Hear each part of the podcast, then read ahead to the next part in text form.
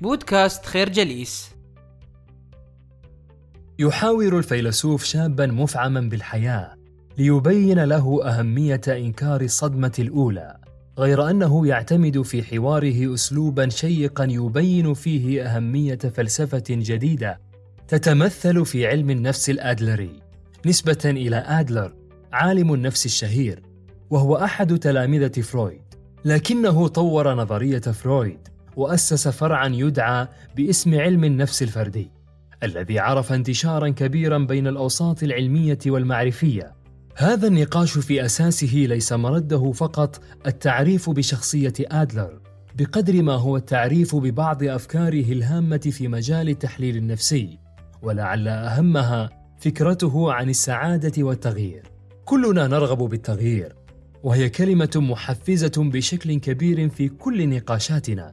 ولكن الجواب عن سؤال لماذا نتكلم كثيرا عن التغيير؟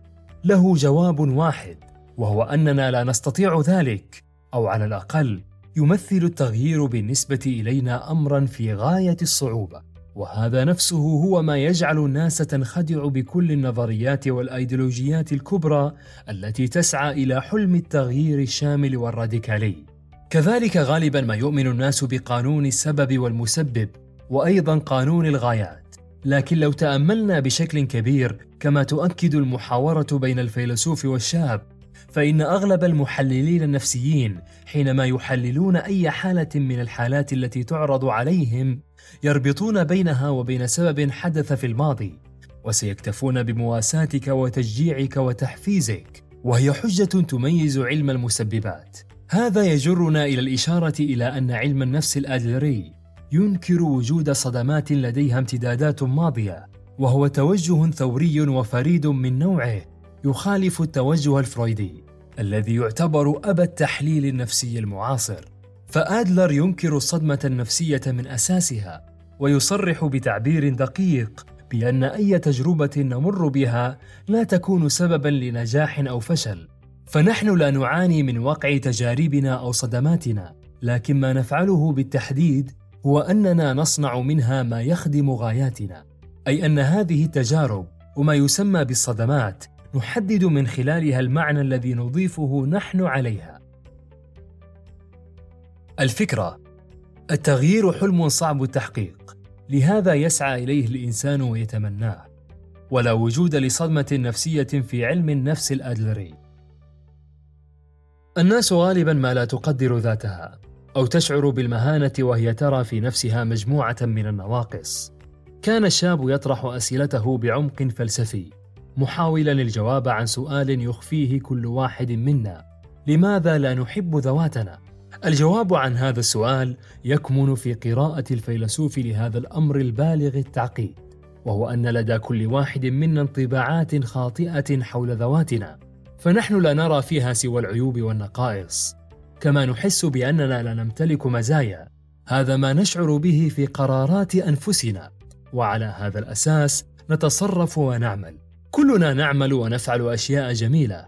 لكن الذي يحدث هو أن كل المزايا تضيع حينما يصبح تفكيرنا يركز فقط على الجوانب السلبية دون غيرها. وهذا راجع بالأساس إلى نوع من الصراع الذاتي والكراهية التي تحصل في دواخلنا دون وعي منا. وبما أننا نعيش هذه الحالة من الصراع والتمزق الداخلي فإن كل مزية تحجبها عنا كراهيتنا لذواتنا. فنصبح كارهين كل المزايا ونركز فقط على النواقص. كذلك حينما يدخل الإنسان في صراع مع ذاته داخليا يصبح الأمر صعبا من الناحية النفسية.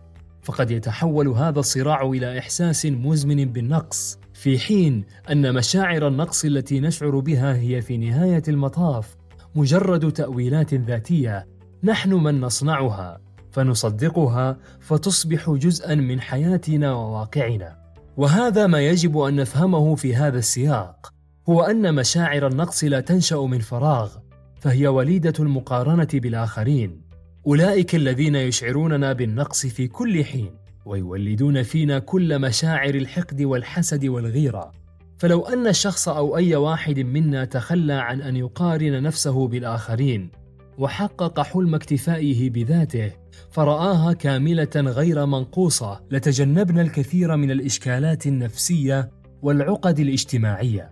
وهذا يدفعنا بالأساس إلى الإقرار بأن مشاعر النقص ليست حقيقة موضوعية تعني بأنك ناقص أو غير مكتمل، بل هي تأويلات ذاتية وانطباعات نفسية يصدقها العقل الباطني بكثرة التكرار والمقارنة.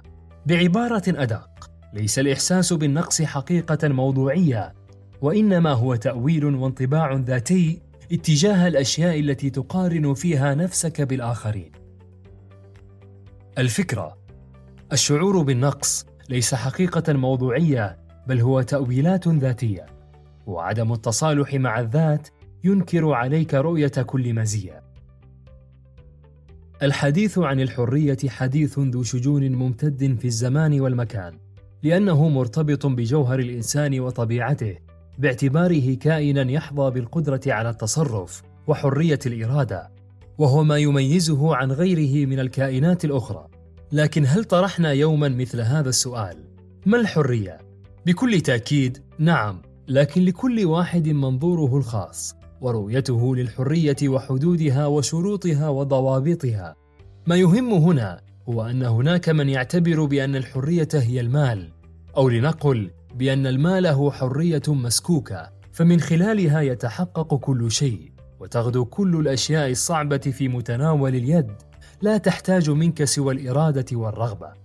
هذا التصور بالرغم من وجاهته إلا أن هناك مجموعة من الصعوبات تعترضه وتخفف من حدته إذ أنه بالرغم من أهمية المال وحساسية امتلاكه إلا أنه لا يستطيع تعويض العديد من الأشياء التي قد تفوق وجوده وأهميته. معنى ذلك أنه يمكنك أن تصبح غنيا لكن ماذا لو لم تجد من يحبك أو يقدرك أو يتواصل معك؟ أمر مستحيل تصوره لأننا لا نستطيع أن نعيش خارج المجتمع وخارج علاقاته المتشابكة. وهي تبدو مهمة لأننا محاطون بأناس آخرين نتواصل معهم كل حين. وهذا هو سبب أزمتنا كما يؤكد آدلر نفسه. كذلك هل يمكن أن تتحول تطلعات الآخرين إلى جحيم نعيش فيه كل حين؟ بكل تأكيد نعم. لكن كيف؟ لابد من الاعتراف بأننا كائنات نحب أن نرضي الآخرين. وهذا هو سر تعاستنا. وربما هذا هو السبب الرئيسي الذي يجعلنا دوما في صراع داخلي مع ذواتنا. لا نسمع لصوتها ولا نحب إلا ما يرسمه لنا الآخرون. الآخرون هم الجحيم حقا. ما يحق لنا التساؤل حوله هنا هو الأسباب الكامنة وراء هذه الرغبة الجامحة في نيل رضا الآخرين واعترافاتهم. إنها باختصار مجموعة من الدوافع النفسية نجملها فيما يلي: تأثير التربية القائمة على العقاب والجزاء، حب المديح وكراهية الهجاء والذم، الرغبة في حب الآخرين وتحقيق التوازن النفسي، العيش خارج حدود الذات والذوبان في التفكير الجماعي، السعي نحو تحقيق تطلعات الآخرين بعيدا عن طموحات الذات. الفكرة الإنسان كائن اجتماعي وجميع مشاكله تنطلق من هذا المعطى وتحقيق تطلعات الغير جحيم لا يطاق. الأنانية جزء من الطبيعة الإنسانية المزروعة في بواطن الكثير من الناس بمختلف توجهاتهم وأنماط تفكيرهم. غير أن ماهيتها تصعب في الكثير من الأحيان على الفهم والإدراك لارتباطها بالجانب النفسي العميق في أسرار الذات الإنسانية. الشخص الأناني كما يراه الكثيرون منا في واقع الحال هو شخص مهووس بحب الذات. لا يجد حرجا في أن يكون مصدر التعاسة للكثير ممن يحيطون به من كل جانب. يتصرف مثل دكتاتور يمارس سلطته المطلقة دون شفقة أو رحمة. ما يجب الانتباه إليه هنا هو أن هناك نوعا آخر من الأنانية لا نلقي له بالا لخفائه وتستره وهو التطلع للآخرين. فإذا تأملنا جيدا للشخص المهووس بالجماعة ورضا الآخرين نجده أيضا لا يسعى فقط إلا إلى إشباع جانبه النفسي من الرضا بل في حقيقة الأمر هو يريد تحقيق ذاته عن طريق الآخرين. وبهذا الفهم يكون كل شخص يهتم بالأنا بأي طريقة كانت هو شخص أناني. غير أن السعي نحو تحصيل الرضا والاستحسان من طرف الآخرين يتحول إلى جحيم بالنسبة إلى مثل هذه النماذج. لأنهم يلاحقون الرضا من خلال توقعات ومزاجية هذا الآخر الذي لا يشبع. مشكلة الإنسان أنه كائن اجتماعي يجد خلاصه في كل ما هو جماعي. لهذا جاءت مختلف الفلسفات والمذاهب الفكرية الكبرى لتبحث له عن خلاصه الجماعي بدل خلاصه الفردي. كلنا نعرف موقعنا داخل الجماعة وعلى أساسها نتحرك ونفرح ونسعد ونحزن. نحن نشعر بمكاننا الحقيقي داخل مجموعاتنا الصغيرة والكبيرة وهو ما يشعرنا بالانتماء. إذ هذا الأخير ليس سوى رغبة دفينة بالإحساس بالحاضنة الإنسانية الكبيرة التي تلبي حاجياتنا النفسية. وبالرغم من أننا نحب ذواتنا غير أن هذا الأمر لا يعني انسلاخنا كلية عن الجماعي فينا فهو الجزء الأصيل من كينونتنا. وهنا يمكننا أن نقول بأن الأنا ليست مركز العالم فإذا كانت الأنا هي بطل الحياة فإنها لا تكون ابدا سوى عضو في جماعة وجزءا من الكل.